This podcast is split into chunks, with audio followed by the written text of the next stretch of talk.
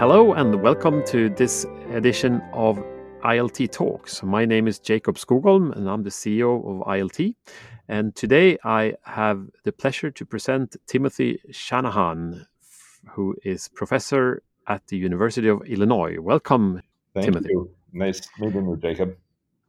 Yeah, and why don't you start out by uh, telling us who you are and why you are here?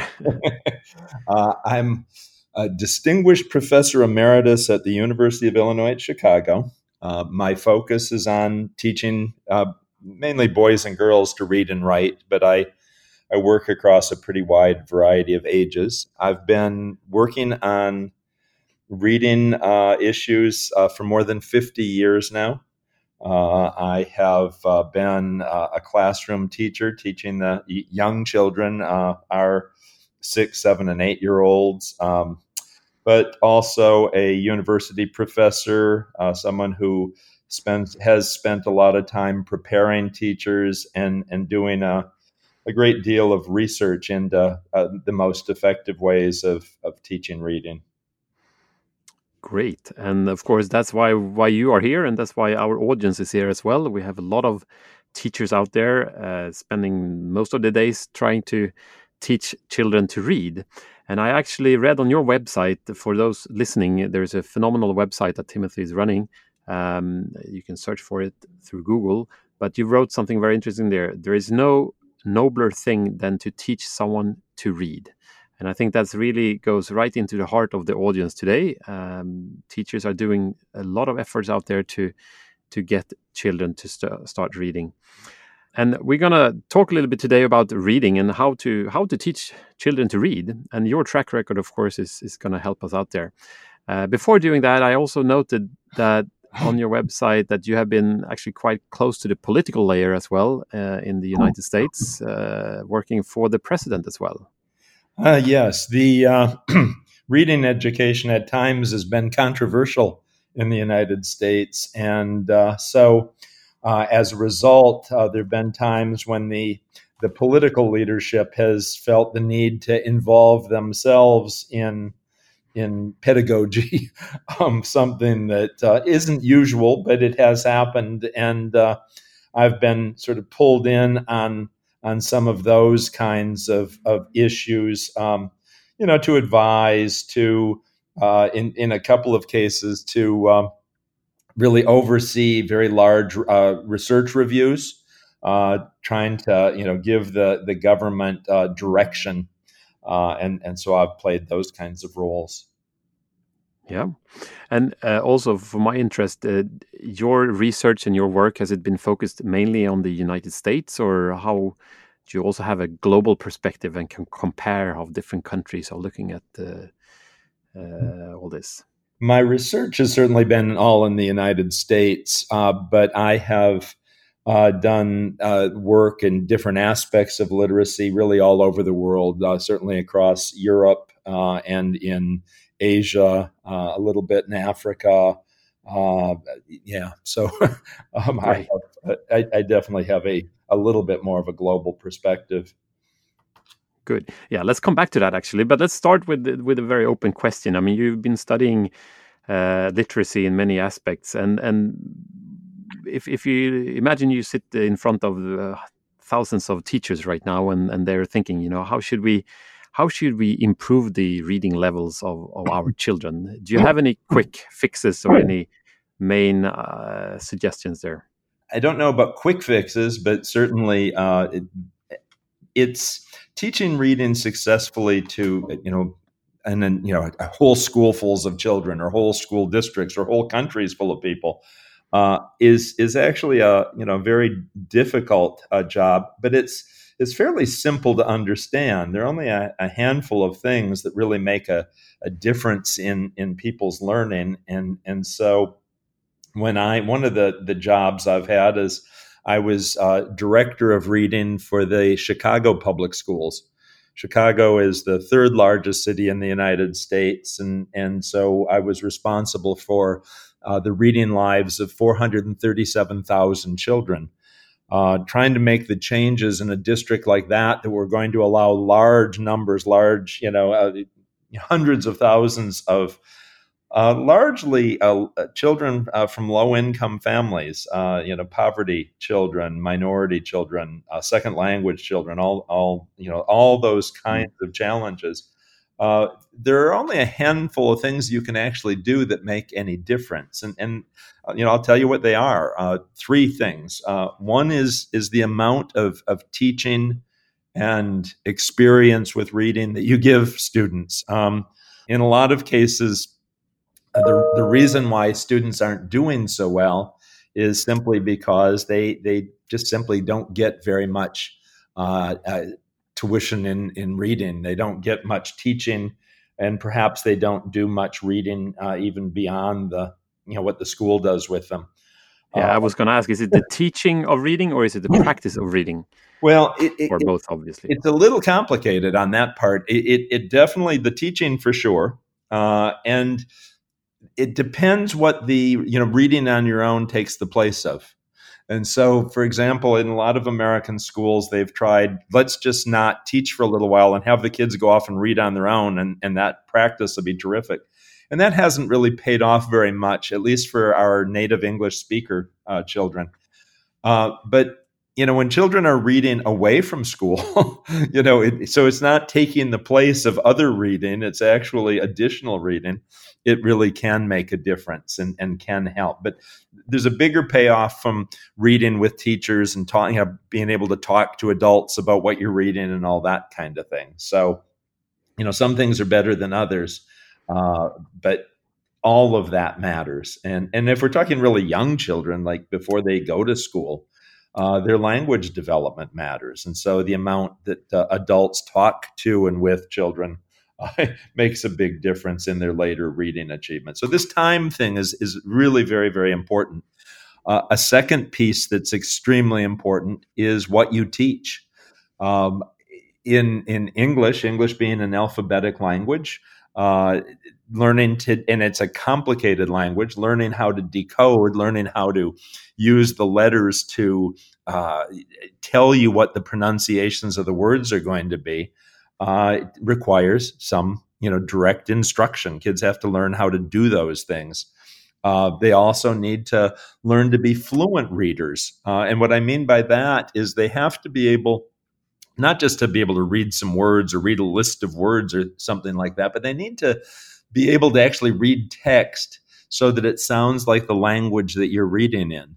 And so if you're reading English, it should sound like English. If you're, you know, reading in any other language, it, it, it, should sound like that, which means that you're you're not just recognizing the words, you're recognizing them quickly enough uh, that you can uh, uh, put your attention on the the meaning and not the pronunciations and that you can you can do things like pause in the right places or your mm-hmm. voice will rise or fall in the right places and and and so and that's something we can teach children and it helps a third actually re- reading is as much as uh, is pausing is as important as reading you can say oh, oh absolutely. so, so, it's not only about decoding it's also about pausing between between the decodings oh absolutely uh, and and it, that makes a when it, we're talking really young children, that doesn't matter so much simply because usually the sentences are so simple and short. But as children move up through the grades, the text gets more complicated. Our, mm-hmm. our, language gets more complicated, and and you know where you pause makes a big difference in how well you're going, going to understand the text, uh, and so that becomes important. A, a, third thing that needs to be taught is uh, we there are some things we can teach students about how to comprehend or how to think effectively about the ideas in text when they're reading so that they'll remember more and understand more.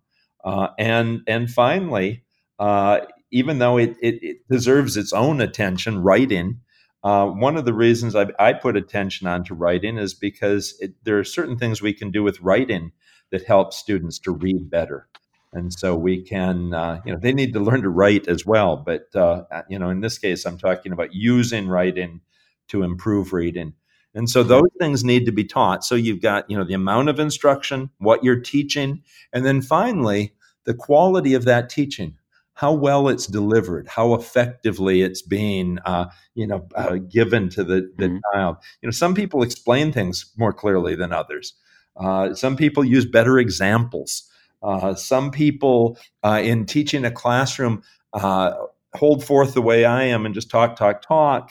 And it, other teachers do much more interaction with the children, which is more effective, you know, where the kids are actually talking to the teacher and with each other mm-hmm. and all of that kind of thing. And so the amount of instruction and what you teach, and then, you know, finally, this how well you can deliver it, uh, those are the things that matter. And yeah. so in Chicago, you know, we set time standards for how much instruction kids had to receive. Uh, we made sure that teachers knew how to teach the things that were critical, uh, that make a difference in kids' learning, and and tried to you know guide teachers to do those things as well as they possibly could. And, and what we saw was literally hundreds of schools that were raising their achievement. Great. Uh, which part was the most difficult to, to, when when it came to changing the whole city, how they all the teachers should work? Uh, uh, out of those three bullets, which one was oh. the most complicated? The the uh, the the middle one, the the you know the content is most complicated because quite often, uh, it, at least in the United States, a lot of teachers might know some of those parts, but they don't know the others.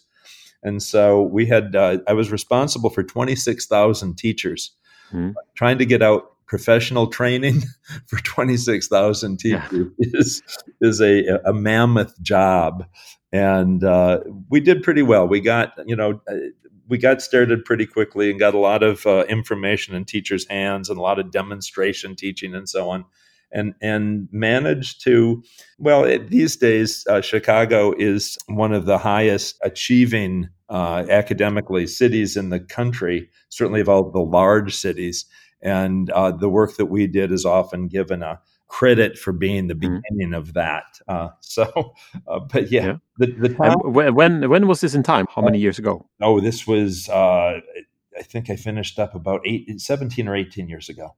Okay, um, okay.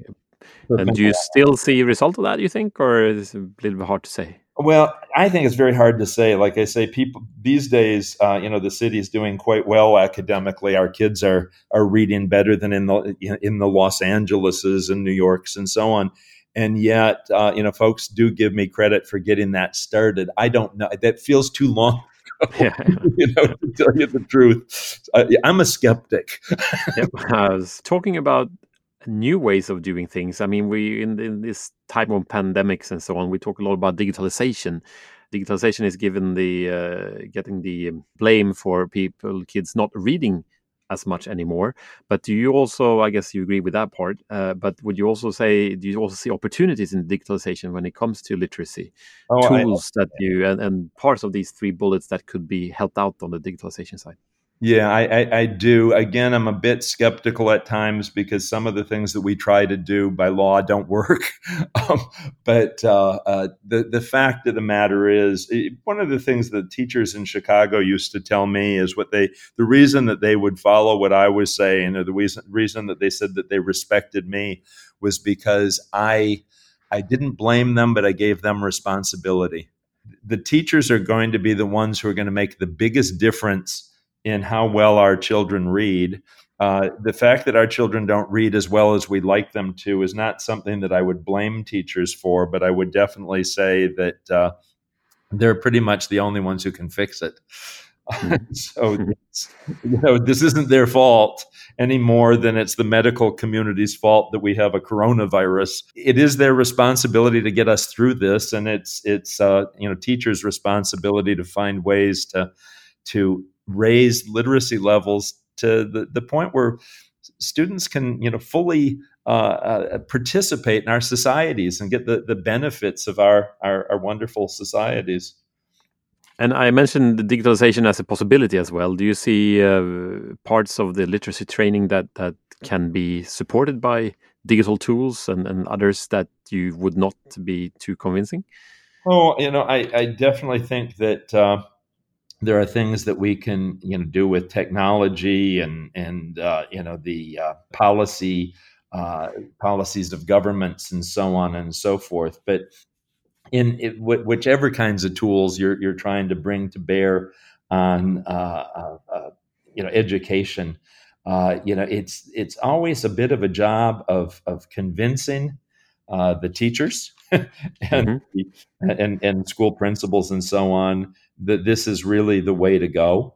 You know, teachers don't necessarily uh, believe that uh, you know things are going to work, and and so they don't always implement them uh, the way that you think that they should or that you thought that they were going to. And I'm not going to say they're skeptical about these things because I, I don't think that's quite what it is.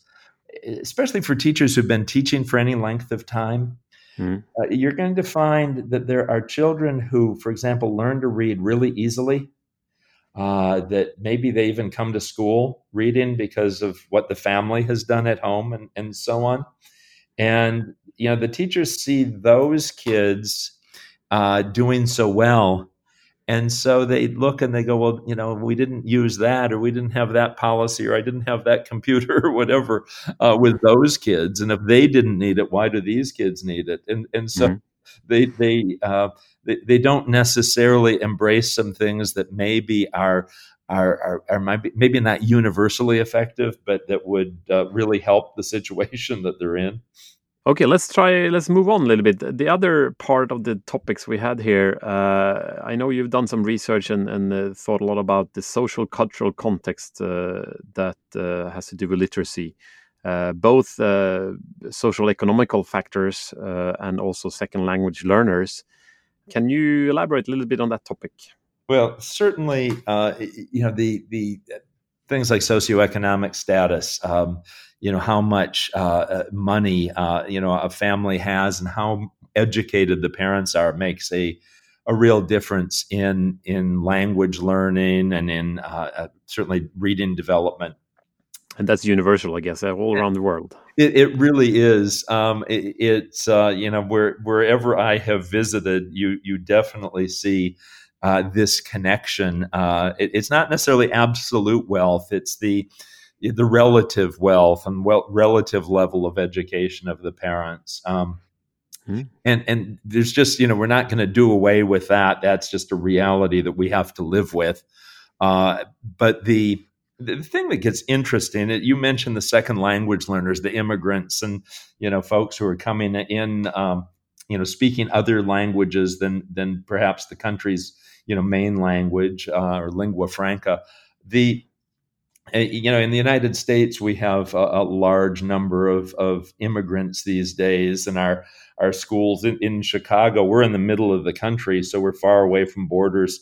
25% of our children are uh, you know do not speak english at home you know. Hmm. so it, it's a, a, a, very big issue. And one of the things i pay attention to in, in the research in this area uh, one of the things that the studies show us uh, very very clearly is that the when the school actually spends time trying to do some teaching in the child's language in their home language uh, they do better Mm-hmm. Um, so, for example, if we're talking young children coming into school, usually we take those first two, three, four years uh, of their education, and uh, some percentage of that will be in the child's language. Now, our, our largest second language is Spanish, and yep. so we will, uh, you know, work with uh, uh, those children uh, in Spanish for for some length of time, if that's possible. You know, there mm-hmm. in Chicago or in Los Angeles, places like that, it's really easy. In a small school district, you know, where they only might have a few of those children, it can be very very difficult to do that,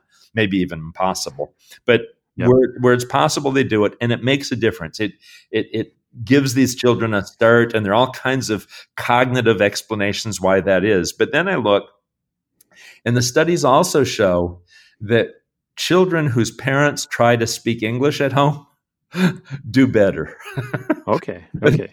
so, it, it's better for the schools to talk Spanish and the parents to talk English. Well, that doesn't make a lot of cognitive sense. I think it's it's what that is. It's it's about trust. I, I think the children who come into a, a setting where a strange setting for them, uh, where the adults are trying to speak their language and are trying to make them feel welcome, uh, builds a certain kind of trust. And I think households where the parents are saying, "We really care about this. We want you to learn English. Yeah, yeah. We're going to try to learn it and use it." Uh, is saying to the youngster, and we trust these people too. we, you know, we want you to do well. And socioculturally, that trust between school and home is, is I think, a very big variable and I think it's one of the reasons why children who you know grow up in in you know households that that use language uh, uh where the, that have you know such different uh, income levels and education levels are often really uncomfortable with school. Uh, mm-hmm. You know, even though the family might speak English, the school is a foreign country to them. Uh, yeah. the, you know, the, parents don't want to come in because they they're uh, uh, sure the teachers are going to judge them and, and so on. So one of the things we used to do in, in Chicago, I, I used to lead, was we would have uh, uh, we'd get substitute teachers certain days, and we'd bring the parents to school to have you know coffee and food and that kind of thing, and we'd free the teachers up from the classroom so that we could have meetings of the groups of parents and the groups of teachers so that on the one hand the teachers could explain what it was that they were trying to accomplish and what they were concerned about with their children and the parents could tell what their hopes and dreams were and what they were concerned about. Mm-hmm, mm-hmm. And, and we felt that helped a, a, a, lot to, to sort of uh, smooth out those differences. You know, it, it, doesn't make everybody the same, but when communication is positive and open and it's clear that everybody has those students' uh, best interests at mind, in mind, I think mm-hmm. you see a lot more success. Very interesting. The, the, these concepts that you say, talk, you talk about Chicago from from the Nordic perspective and the European perspective. We think about U.S. as one country, but would you say that these are unique uh, perspectives uh, in your findings from Chicago? Or you would say they are more widespread across the states. I would say that um, my experiences were very in line with a number of research studies that have been done. A good deal of the research on second language learning is is that's done in the United States is is often done in the in the, the south and southwest because yeah. you know we're that's closer to Central America, it's closer to uh, uh, South America, and so on. Uh, but there are also studies uh, like this done in uh, the Netherlands and, and, and mm-hmm. places mm. like that. So you know, with their uh, their Turkish populations and so on. So it's yeah. Uh, yeah, and, and I would say we recognize most things you say here are quite uh, well-known concepts for the Swedish and the Nordic school systems. We we have uh, this this idea of teaching the immigrants in their native language is something we have implemented quite uh, thoroughly throughout the school system for the first couple of years uh, with different types of uh, systems for study support and after after school classes and stuff like that. And, and, and I think so, that's terrific. And I think the key to it is is is trying to understand why that's working.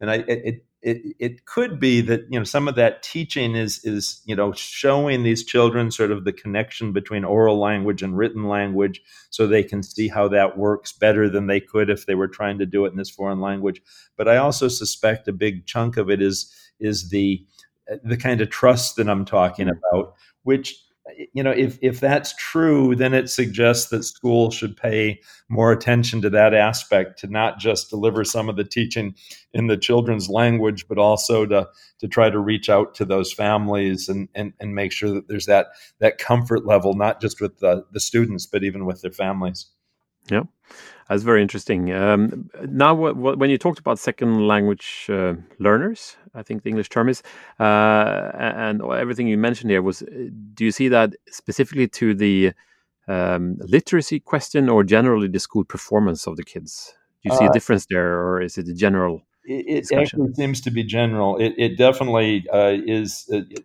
affects literacy, but it apparently uh, affects everything from you know how they do in other subject matters to whether they're mm, going yeah. to stay in school long enough to graduate and those kinds exactly. of things. There's no no clear boundary between the subjects or between the skills there. No, there, there certainly can be between some subjects, but literacy is is one where you, you're not going to find great distance with it in other subjects since it's usually used in those other subjects. Exactly. Yeah, yeah, yeah it's been very interesting to to listen to your perspectives from this. Is there anything else you feel that you would like to to a message you would like to send off to the the audience here from from the states to the Nordic region? One more thing that I think we've learned that uh, you might know, uh, or you, and and it will affirm uh, your your understandings, or maybe it'll make folks think about something well, we've been talking about reading and writing the whole time here. Uh, certainly, one of the things that uh, we're finding in our schools is that setting aside uh, daily time to work on the children's oral language, especially for these second language learners, not just uh, hoping that the kids will pick it up by being integrated into the society, but actually spending some real instructional time and practice time working specifically on oral language. A lot of our schools in places like California that have such large percentages of these students um, are, you know, setting aside like a half an hour a day to work on that kind of thing. Uh, with the idea that that supports the work that we're doing in, in literacy, that it's it's uh, it's really pretty important. So, uh, paying attention to not just the the reading and writing, if you're interested in improving reading and writing, but also paying attention to the oral language. Well, that seems like a great uh, concluding uh, tip to the audience. And with that, I would like to thank you a lot for for participating. Uh, is obviously the future with podcasts on remote uh, allows us to interview people from overseas as well. And uh, so, thanks a lot for taking your time. And uh, we never know when we meet up again in some other subject somewhere. I look forward to when I can get back to Europe. yeah, exactly. we never know when that'll happen. No, we don't. These days we don't, but I look forward to it. Great. Yeah. And uh, so thank you very much and uh, have a wonderful day. You as well. Thank you.